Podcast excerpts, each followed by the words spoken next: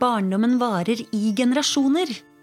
Den som formulerte dette, var pioneren og sosionomen Kari Kilén, Norges første med doktorgrad på omsorgssvikt og overgrep mot barn.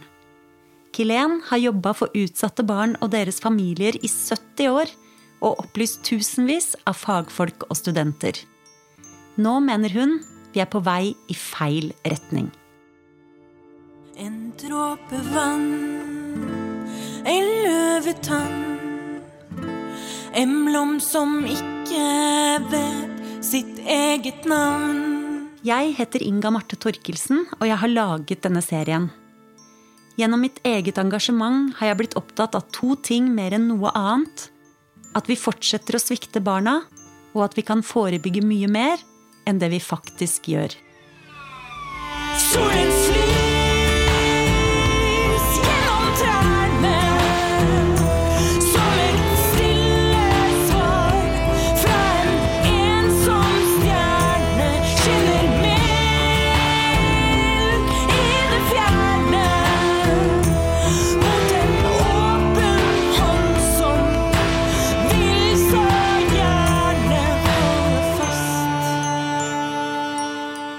Helt siden jeg var ungdom, har jeg hørt moren min, førskolelæreren, snakke om Kari Kilén. Hun kom hjem fra forelesning en dag og hadde endelig fått svar på mye av det hun lurte på, og fått begreper for magefølelsen sin. Noe hadde rørt henne dypt. Som barnehageansatt kommer du tett på mange barn. Noen er trygge, andre utrygge. Noen klistrer seg til deg som borrelås og nekter å gi slipp. Noen er pliktoppfyllende og snille. Andre kan du bli sprø av. Noen barn er nesten usynlige. Du husker faktisk ikke om de har vært i barnehagen den dagen. Med ettåringenes inntog har de ansatte for alvor gått opp på barrikadene. De krever mer tid til hvert enkelt barn. Det jeg syns jeg har erfart nå, det er jo en økning i aktivitet og motivasjon hos førskolelærere etter ettåringene kom. Du ser det i forhold til hva de har publisert, hva de drøfter i ulike sammenheng, og måten de bestreber seg på å få til barnehagene. Det som vel har forbløffet meg, det er hvor lite man egentlig er villig til å investere i forebyggende arbeid. For hvis vi virkelig skal forebygge, så må vi inn tidlig. De første par-tre årenes betydning for et barns helse og utvikling, ikke bare i barne- og ungdomstida, men for resten av livet, gjør det uforsvarlig ikke å investere mer i barnehagene, skriver Kari Kilén i boka 'Forebyggende arbeid i barnehagen'. Hun er bekymra, spesielt med tanke på de yngste barna. Barnehager er jo ikke per definisjon bra for barn. Ja, jeg er bekymret, fordi det krever veldig mye av barnehagepersonalet. Både når det gjelder tid og rom til å ta seg av den enkelte, og til å kunne følge opp de som kan oppleves som sårbare. Det dreier seg jo om barn som nå har utviklet en tilknytning til sine foreldre. Og så kommer de i en helt ny situasjon. Så jeg tror vi må erkjenne at eh, det er en stressfull situasjon for barnet å begynne i barnehagen. For alle barn. Men stress det kan virke to veier. Det kan stimulere og gi krefter, mens det for andre barn eh, kan bli en ekstrem belastning som, eh, som får konsekvenser for deres videre utvikling. Hun forklarer Det som jo skjer i stressfulle situasjoner, det gjelder jo alle barn, og det gjelder oss alle, at eh, så stiger stresshormonet.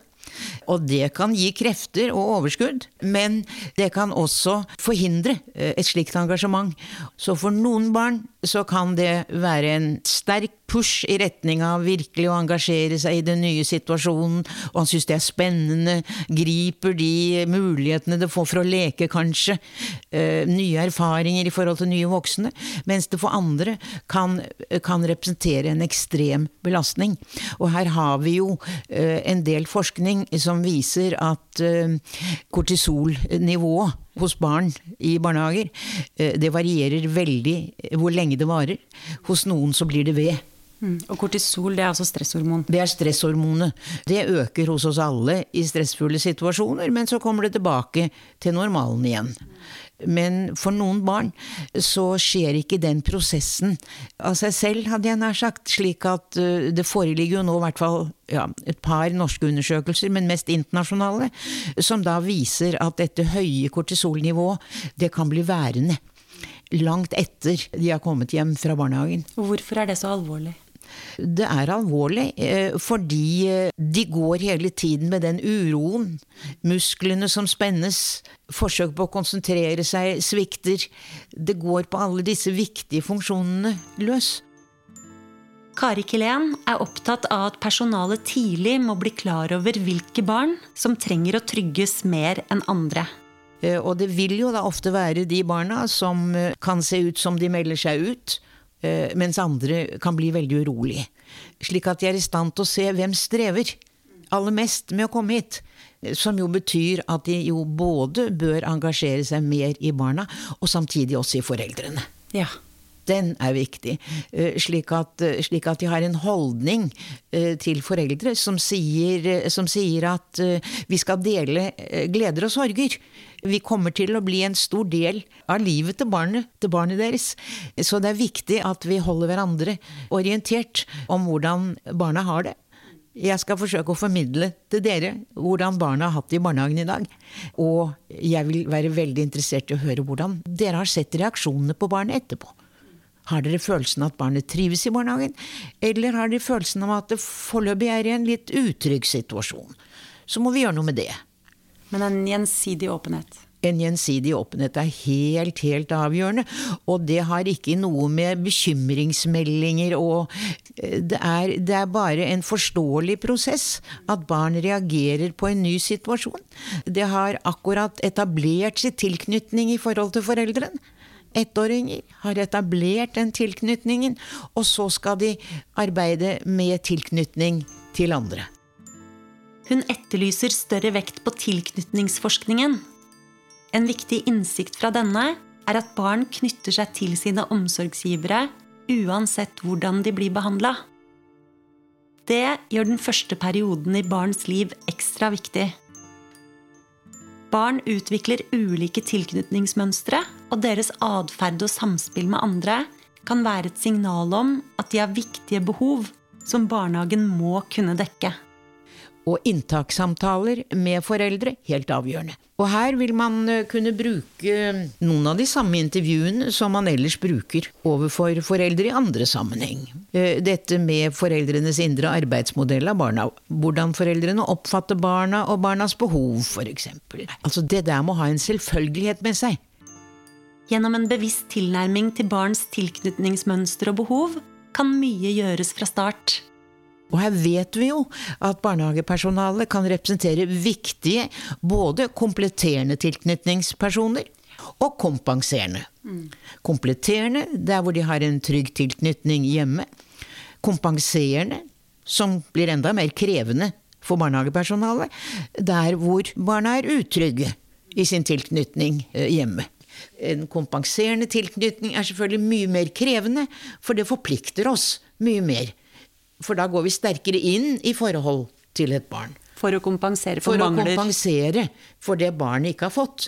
Eh, Og det krever jo igjen da følelsesmessig mer av oss, og utholdenhet i forhold til det. Og det krever noen viktige overganger. At hvis man har kompensert for en tilknytning i forhold til et barn i barnehagen, og du vet at om et halvt år så skal jeg slutte, for da skal jeg føde barn, så skal dette barnet forberedes, og foreldre og andre og kolleger skal forberedes for å kunne komme inn og kompensere. Den er viktig, den. Når en viktig person i barnehagen slutter, så må ikke det komme som bløtkake og avskjedsfest. Det må komme litt tid i forveien, og barnet må få vite hvem som blir like viktig. Jo yngre barnet er, jo viktigere er det å skape denne tryggheten og forutsigbarheten, understreker hun. Barnet må bæres følelsesmessig inn i barnehagen. Fordi vi vet jo i dag at hjernen eh, de første tre årene er jo intens i sin utvikling. Derfor blir denne kunnskapen så mye viktigere for barnehagepersonalet enn for mange andre. For meg er det viktigste at vi forstår. At vi forstår hvordan disse ungene har det, og at vi derfor forstår hva skal vi legge vekt på. Skal vi legge vekt på kompenserende tilknytning? Eh, Skal vi legge vekt på kompletterende tilknytning? Det handler simpelthen om å bære barnet eh, følelsesmessig inn i barnehagen. Stadig flere har tatt til orde for at vi må snakke om barns behov for kjærlighet i barnehagen. Barn tilbringer jo størstedelen av sin våkne tid nettopp her, og trenger å vite at de voksne faktisk er glad i dem. Det handler om å bygge barns selvfølelse. Kjærlighetshormonet, oksytocin, smører dessuten barns læreprosesser. Samtidig vet vi at de barna som kanskje trenger kjærligheten aller mest, har en tendens til å utvikle en måte å være på som utfordrer følelsene hos de ansatte. En barnehage som tok konsekvensen av dette, gjorde et eksperiment. De festa et hjerte ved siden av navnelappene til barna.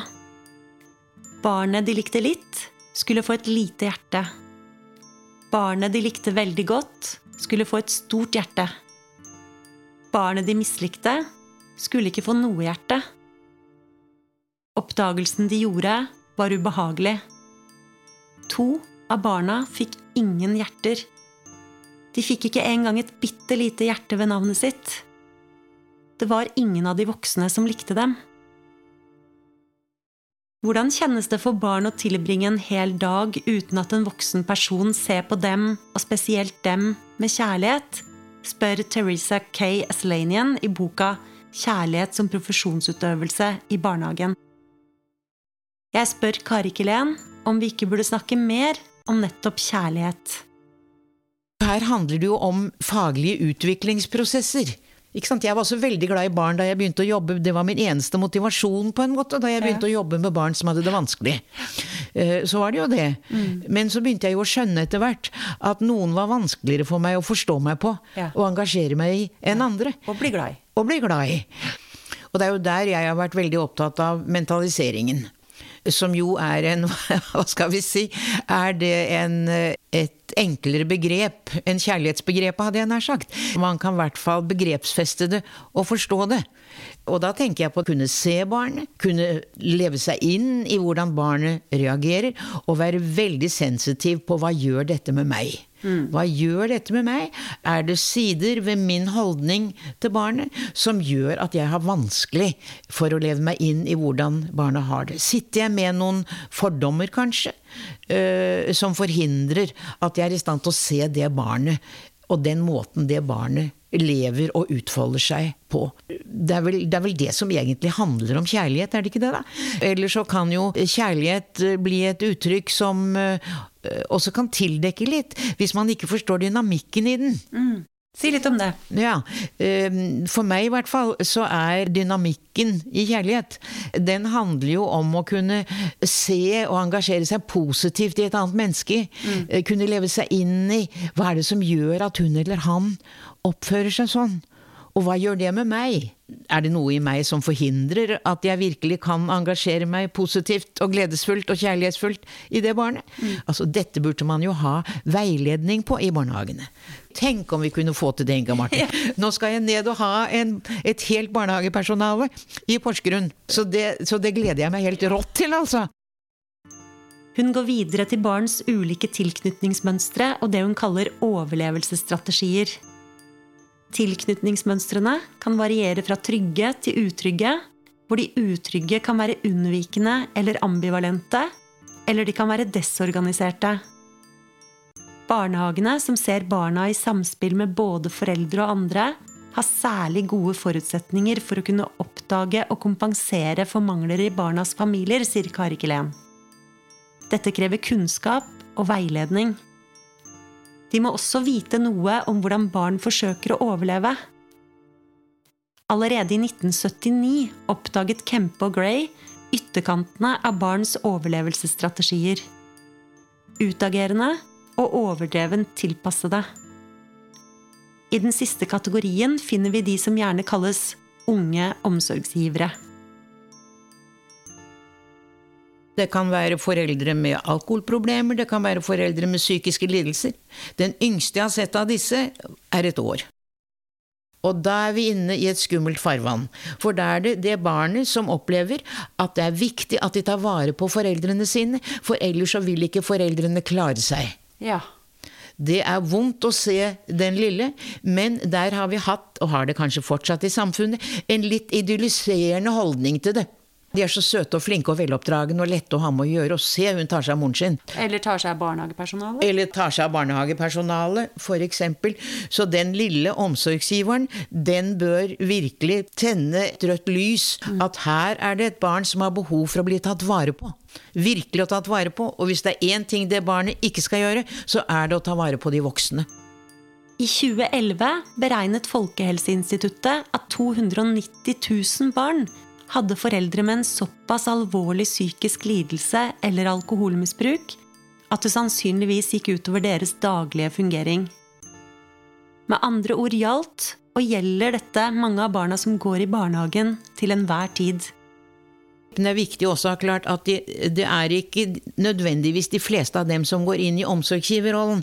De kan, de kan utvikle andre tilknytningsmønster. Der hvor de utvikler en omsorgsgiverfunksjon, så er det jo, kan du si, den, den hemmete, overtilpassete tilknytningen som de utvikler. Men så har vi også andre grupper tilknytning, f.eks. den ambivalente utrygge. De kan da bli en håndfull for de samme foreldre.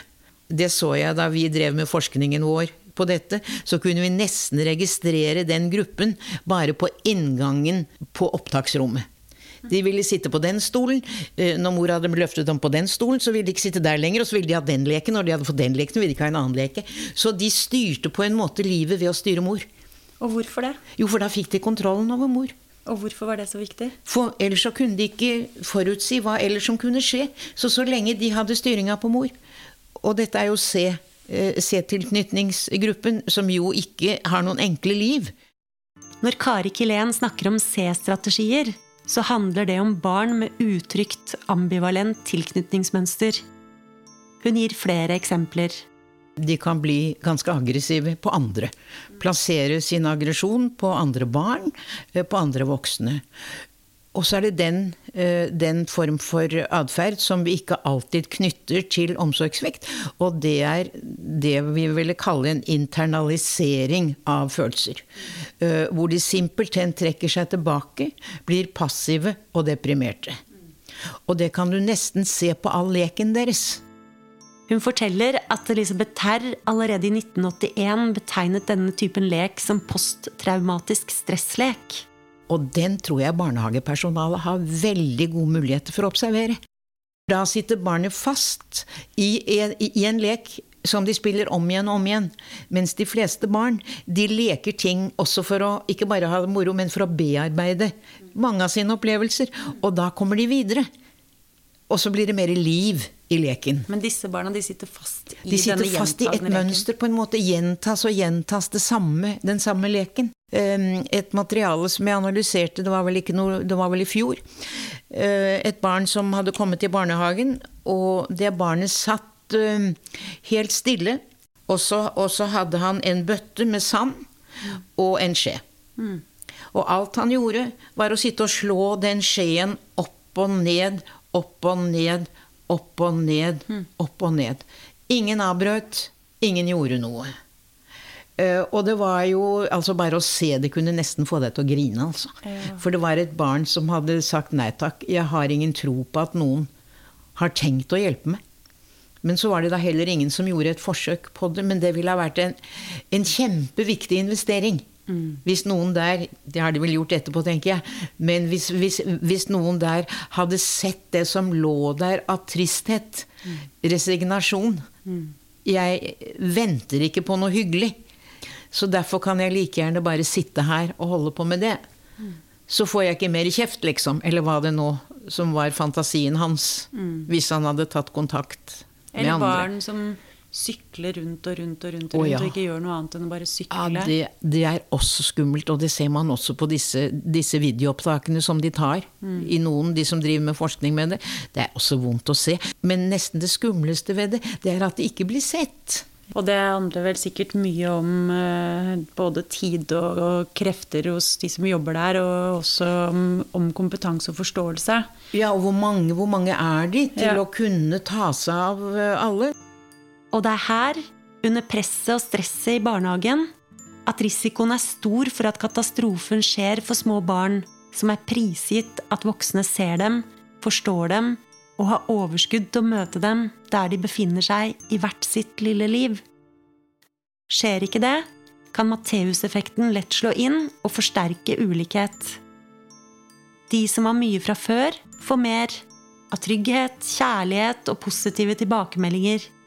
Mens de som har lite, kan få mer av det de absolutt ikke burde få. Som kjeft og negativitet. Eller bekreftelse, som den unge omsorgsgiveren. Andre går helt under radaren. Vi har kanskje vært mest, mest vant med at de forflytter sin aggresjon på andre. Og blir aggressive selv. Det er de vi ser best. Mens de som trekker seg tilbake, eh, som blir deprimerte, som isolerer seg, de ser vi ikke så lett. Det er de snille, greie barna i barnehagen. Hvilke flere overlevelsesstrategier er det barn kan ha? De kan selvfølgelig forsøke å mm, knytte seg an til de ansatte. De som kalles for borrelåsbarn. Borrelåsbarn kan Ja. du godt kalle det. Ja, nemlig. De blir hengende. Men det er, det er forsøk på å etablere nye tilknytningsmønstre. Der hvor de kan føle seg relativt trygge. Veldig vanlig. Du kan si de, de barna som føler seg veldig utrygge da, på foreldrene sine, ut som de da generaliserer til voksne i det hele tatt. Når de da forsøker å få kontakt med en lærer, førskoleperson, eh, henger litt fast i dem, det du kaller borrelåsbarna, eh, så er jo det en måte å signalisere på at jeg har så behov for at noen ser meg, og at noen tar seg av meg, og at noen behandler meg godt. Men hvordan forstår vi ofte den atferden isteden? Du, jeg tror at mange kan bli litt sånn irriterte på det, kanskje. Og det er ikke alltid at det frembringer sånn god omsorgsfølelse i, eh, i, i alle våre, våre profesjoner heller. Men det er noe med ethvert signal som kommer fra barnet, er et signal om at de har behov for noe. Men poenget er at barna velger ulike overlevelsesstrategier av en grunn. Det er jo ikke sånn at barna er beregnende eller noe sånt. De, de gjør jo dette her for De gjør det fordi det er nødvendig. Ikke sant? Ja, ja. De gjør det fordi det er nødvendig. Barn er jo helt maktesløse. De er jo det, og da, og da så kan jeg jo tenke meg da at da blir det viktig å stille et spørsmål i barnehagen. Hvordan opplever dere et barn som er såpass eh, krevende at det hele tiden oppfører seg provoserende? For, det, for det er opplagt at, at, at det barn som, som bruker en C-strategi overfor sine foreldre, vil veldig lett kunne bruke den strategien overfor de ansatte også. Og da blir det veldig viktig eh, at den ansatte er i stand til å kunne leve seg inn i og stille seg en hypotese om at dette er han eller hennes overlevelsesstrategi. Jeg lurer på om ikke hun er vant med at ting er så uforutsigbare. At de hele tiden må sikre seg å ha kontroll over en situasjon. Kari Kilén understreker at trygghet og forutsigbarhet kan være ekstra viktig i slike tilfeller. For noen barn kan det være nødvendig å overdrive forutsigbarheten og tryggheten i en periode for å kompensere. Så kan du si den konsekvensen de da bør ta i barnehagen, det, det er å sikre at det har en kompenserende tilknytningsperson som hele tiden er til å stole på. Som er forutsigbar. Da vil du nesten understreke det motsatte hvis du sitter med en hypotese. At her er det et barn som har vært utsatt for så mye uforutsigbarhet. Ja, så bør du nesten overdrive i en periode forutsigbarheten. Det er én måte å kunne kompensere eh, for, eh, for, eh, for, det, for det de har opplevd eh, tidligere. Dette er i hvert fall gode arbeidshypoteser man har, og de som virkelig har jobbet med, med, med denne type tenkning, ser jo at det skjer en utvikling. For barn kan knytte seg til flere mennesker, og det er viktig å kunne huske eh, og kunne tenke på. Og det gjør jo barnehagene ekstra viktig, men det gjør jo også at det er ekstra viktig at barnehagene har denne kunnskapen. Det er nettopp det, vet for hvis ikke så vil en del av denne atferden fra barnas side vil jo bli provoserende. Hvis man ikke kan forstå den. Da kan de oppleve en, en, en avvisning på den, på den atferden. De får bare en bekreftelse. Og i veiledning i en barnehage Jeg ville elske i veiledning i en barnehage over lengre tid nå, men over lengre tid kan jeg jo ikke lenger forplikte meg, hadde jeg nær sagt. Men i hvert, fall, i hvert fall da å kunne ha veiledningsgrupper hvor man ser på den enkelte barnehageansattes holdning til visse barn. Man er opptatt av et barn som man kanskje bekymrer seg for, eller strever med, eller er spesielt engasjert i. Og så må man få jobbet og bearbeidet dette her i en gruppe. Eh, For vi har kunnskapen, men det er opplagt det skal personlig utvikling til. Så kan du si at det burde jo tiltrekke oss i våre yrker. At det krever personlig utvikling. Ja. Det gjør jo det for å kunne våge å være åpne overfor hverandre. Og kunne si, vet du hva, den ungen der driver meg til vanvidd, altså. Herregud. Det må jeg gjøre noe med. Ja, Så får man sammen sette seg ned og se, da. Hva er det som gjør at den ungen driver deg til vanvidd? Hva er det? Og hvordan, hvordan reagerer dere andre? De som virkelig burde, burde ha kunnskap om disse overlevelsesstrategiene, det er jo igjen barnehagepersonalet, barnehagepersonale, det er helsesykepleiere, det er lærere. Og også veldig viktig for beslutningstakere. Både politikere, men også byråkrater og andre som eh, er viktige for hvordan vi utformer barnehagene, og hvordan vi organiserer og bemanner dem. Det er helt sikkert. Jeg spør hva barnehagen bør gjøre når de har et barn de bekymrer seg for. Det er relasjonen som er viktigst, svarer hun. Det er ikke alltid man kan gjøre så mye annet enn å sikre at barnet får det best mulig. Eh, Det er ikke sikkert eh, at man som barnehagelærer f.eks. kan bedre en belastet livssituasjon som barnet kanskje befinner seg i, men det de i ethvert fall kan gjøre, det er å bidra til å kompensere eh, for, for, for noe av det barnet kanskje opplever i andre eh, sammenheng. Um, og det er jo relasjonen her som er det viktigste. Det er jo de, er jo de signalene ansa, eh, de ansatte eh, sender barnet. Uh, at de hele tiden, uansett hvordan, hvordan barnet måtte streve med problemer, at de hele tiden kan, kan sende noen signaler til barnet. 'Jeg ser deg. Jeg har lyst til å være sammen med deg.' Jeg vet du har det vanskelig, men akkurat vi kan ha det veldig hyggelig. Altså Det er noe med å formidle til barnet at jeg forstår at livet ikke er lett for deg bestandig, men jeg vil gjerne være med på å gjøre det bedre. Jeg vil gjerne forsøke å forstå deg best mulig. Og så vil det være situasjoner hvor du har kanskje hatt en samlingsstund, og et barn har kommet med, med en eller annen erkjennelse eller eh, hva skal vi si, avdekking av et eller annet som du har opplevd hjemme, kanskje. Så vil det kunne være viktig at man eh, er åpen nok i forhold til barnet. At man kan komme tilbake til den. Eh, Du vet hva, jeg tenkte veldig mye på det i går. Eh, Etter vi hadde, etter vi hadde sittet og snakket om, om mange ting i barnehagen. Vi hadde snakket om voksne, og at voksne av og til var ganske dumme og sånn. Um, Så derfor tenkte jeg at jeg ville snakke litt med deg om det. For det er veldig mange forskjellige måter som voksne kan være dumme på. Uh, Og jeg har tenkt litt på at det er noen ting du strever med. Det er ikke sikkert du vil snakke med meg om det, uh, men, men jeg, vil, jeg vil veldig gjerne høre om det. Og, og hvis, hvis du og jeg sammen kunne finne frem til noe vi kunne gjøre med det, så ville jo det være fint. Men det vet jeg jo ikke, da. Siden jeg ikke vet noe. Men, men jeg liker å, å kunne hjelpe barn med ting de strever med. Og det som ofte skjer, forteller Kari Kilén, det er at barna kommer tilbake til dem igjen hvis de ansatte har bygget en bro inn til følelsene deres. Så det er noe med å formidle at vi vet at det er ikke så greit alltid bestandig hvordan barn kan ha det, og foreldre kan ha det vanskelig, og vi kan alle alle strever med, med ting, og da kan det være godt å få snakket med noen om det.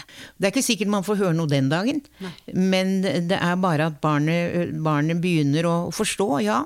Da vil hun kunne forstå meg. Og da vil hun ikke gjøre noe som er galt med det. Selvfølgelig, det er jo alltid barnets eh, bekymring og angst. Det er jo at eh, de skulle, skulle eksponere noe hjemmefra som de er redde for at man skulle ta opp med, eh, med familien. Det tror jeg mange barn ville tenke. Man må alltid samarbeide med barna, sier hun. Det handler dypest sett om respekt for barnet og den situasjonen barnet befinner seg i. Dette kan komme opp i forhold til rusproblematikk f.eks., hvor barn har vært bekymret for om du kom til å klare å komme i barnehagen, eh, for foreldrene var, var, var fulle f.eks. dagen. Det vil de være redde for å fortelle. Og da er det viktig at du får en forsikring om at uh, dette vil ikke jeg fortelle til foreldrene dine uten at jeg har snakket med deg først. For det er du som har sagt, og du må, du, du må gi meg tillatelse til det. Det handler om respekt for barna. Og det handler jo også om risikotenking. Altså det kan jo utsette barn for veldig mye vondt og til og med farlig hvis man bare går bak ryggen til barn uten å Ja. holde dem Ja, er orientert. Og også spørre hva som er trygt for dem.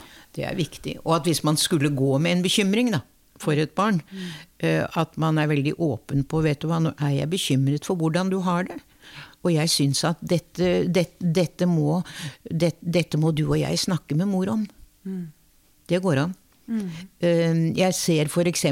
I, eh, i en del separasjon- og skilsmisseprosesser, som jo kommer frem i barnehagen Mm. ofte, hvor et barn enten kan være lei seg eller sint eller eh, avreagere på andre, eller plutselig endrer atferd i barnehagen, eh, så, så blir det jo veldig viktig eh, at man speiler det man har sett av endring hos barnet. Og vet du hva, dette tror jeg at jeg må snakke med mamma og pappa om, for at vi kan se hvordan vi kan hjelpe deg bedre.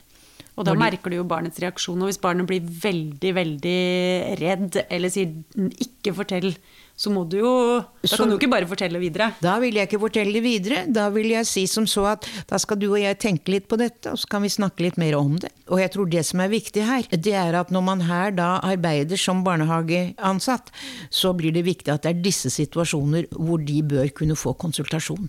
Det burde være tilgjengelig konsultasjon for alt personalet i barnehagen til simpelthen å tenke over dette, reflektere over dette, og hvordan kan man håndtere dette videre. For dette kan jo for mange oppleves ekstremt vanskelig å skulle ta opp. Vi har tenkt litt på dette i forhold til bekymringsmeldinger. Her bør alle som sitter med en, med en bekymring og lurer på om dette skal meldes til barnevernet, her bør de få konsultasjon med en kompetent person som kan hjelpe dem til å beskrive den situasjonen som bekymrer dem, til å reflektere over deres egen reaksjon på det, og hva de kan tenke seg å gjøre, og hvordan de kan ta det opp med barnet. Hindringen til å få hjelp ligger ofte hos, hos den enkelte medarbeiders utrygghet, forståelig utrygghet og usikkerhet i disse situasjonene. Og der, der bør det være en selvfølge eh, at de ansatte i barnehagen får konsultasjon. Du har også vært opptatt av at personalet må være konkret og beskrivende om det de ser, og ikke vurderende eller analyserende. Hvorfor det? Jeg tenker at uh, dette skal de eh, samarbeide med foreldrene om. Og det blir viktig at de ikke tar stilling og analyserer det, men at, at de formidler det de måtte være bekymret for, på samme måte som de formidler det de er glad for å se. Um, og at, uh, at man så må være åpen på ja, hvordan, hvordan reagerer foreldrene på det, og hvordan, hvordan oppfatter foreldrene det. For foreldrene de kan ha sine forklaringer og sine hypoteser, selv om det ikke, ikke er sånn de tenker. Uh, så vil de ofte forklare, og av og til kanskje bortforklare. uh, Barns ulike former for atferd som, som kan ha gjort dem urolig. Og da tror jeg det er, det er veldig viktig bare å eh, formidle det man ser. Er dette virkelig alvorlig, så må man jo vurdere det etter hvert. Man må ikke samle opp bekymringer, understreker hun. Bekymringer skal tas opp med en gang, med mindre det handler om veldig alvorlige forhold. Man må ta opp fra dag én. Det gjelder alle familier. Om det er votter som er glemt, eller uh, hva det nå er. Uh, at, uh, at man, må, man må ikke samle opp til man har en bunke med bekymringer, og så komme med det. Og det må allerede kunne tas opp i innledningssamtaler, hvor man snakker om at vi skal dele gleder og bekymringer. Så, så Men hvorfor er det viktig at man ikke venter til man har samla nok eh, jeg tror, materiale? hvis, jeg tror hvis man har ventet og samlet nok, så er man jo nesten garantert at foreldrene vil måtte forsvare seg. Ja. Og da står selvfølgelig eh, personalet overfor en veldig stor utfordring. Hvordan skal de forholde seg til foreldrenes forsvar, f.eks.? For eksempel.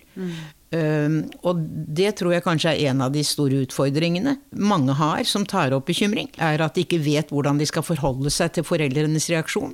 For foreldrene vil bagatellisere det, kanskje. Uh, de vil kunne bortforklare det, de vil kunne fornekte det. Eller de vil kunne bli ganske aggressive på førskolelærerne, som, har, som kommer med noen bekymringer. Og da, eh, da sitter jo førskolelærere der i litt av en utfordring. Og hvis de selv føler seg veldig utrygge på det, så er det ikke sikkert at de vil kunne forholde seg på den best mulige måten. Man må gå med Forsvaret, sier hun.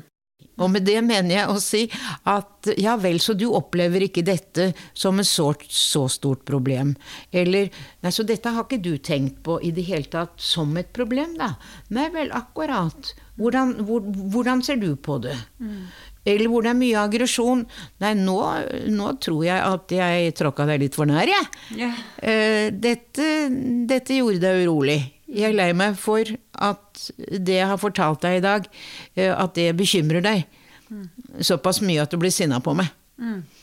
Altså, forsøk å være til stede med innlevelse, forståelse, og ikke selv gå i forsvar. Det krever mye Det er, krever mye, ja. men det å gå med forsvar, det er, det er en læreprosess mm. eh, som kan være god i veldig mange sammenheng. Nei vel, akkurat. Du opplever ikke det som det problemet. Fortell meg hvordan du ser det. Mm. Hvorfor er det så viktig, da, å gjøre det sånn? Nei, for hvis, eh, hvis, eh, foreldrene går fullt i forsvar, eh, så får vi jo store vanskeligheter når det gjelder samarbeidet. Og vi skal jo samarbeide rundt barna. Mm. Uansett eh, hvordan det er. Eh, og vi kan ikke forvente at foreldre som opplever at de får noen kritiske kommentarer, for her vil jo alle foreldre være sårbare. Eh, det trenger ikke store bekymringer nødvendigvis til for at foreldre skal kunne komme i forsvar i visse situasjoner. Og da vanskeliggjør man jo eh, samarbeidet eh, veldig. Mm. Og av hensyn til barnet også, så vil jo dette være Eh, dette være en belastning. Du har jo sagt tidligere at uh, hvis folk opplever at du bryr deg på ekte, mm. så kan du nesten si hva som helst. Ja, det er helt riktig. Det tror jeg sikkert jeg har sagt mange ganger. Det er utrolig hva jeg også selv kan ha sagt til folk.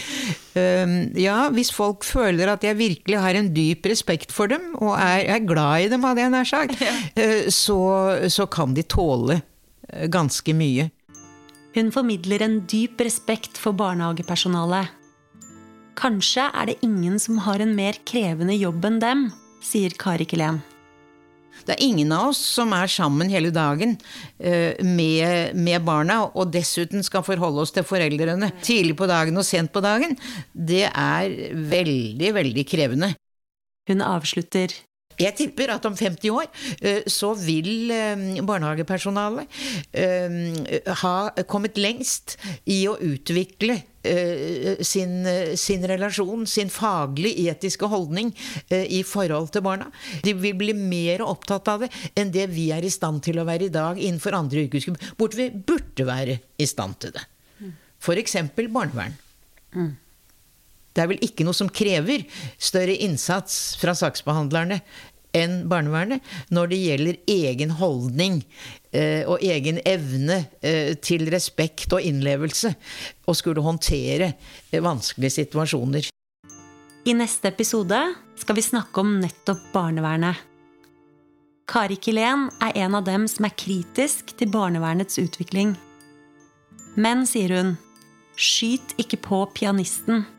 Det handler om systemet. Det er mange barn som trenger hjelp her ute, og jeg, jeg prøver å gjøre den forskjellen. Og det er egentlig så gjør alle de som jobber i barnehage, de gjør en utrolig viktig jobb. og Det må de huske. Det må de huske. Det er en utrolig viktig jobb. Og de er med på å gjøre en forskjell hver eneste dag når de kommer til barnehagen om morgenen. Du tar dem imot, og du leker med dem. Bare husk at det er en utrolig viktig jobb, og du er med på å danne grunnlaget til et menneske, liksom. Solen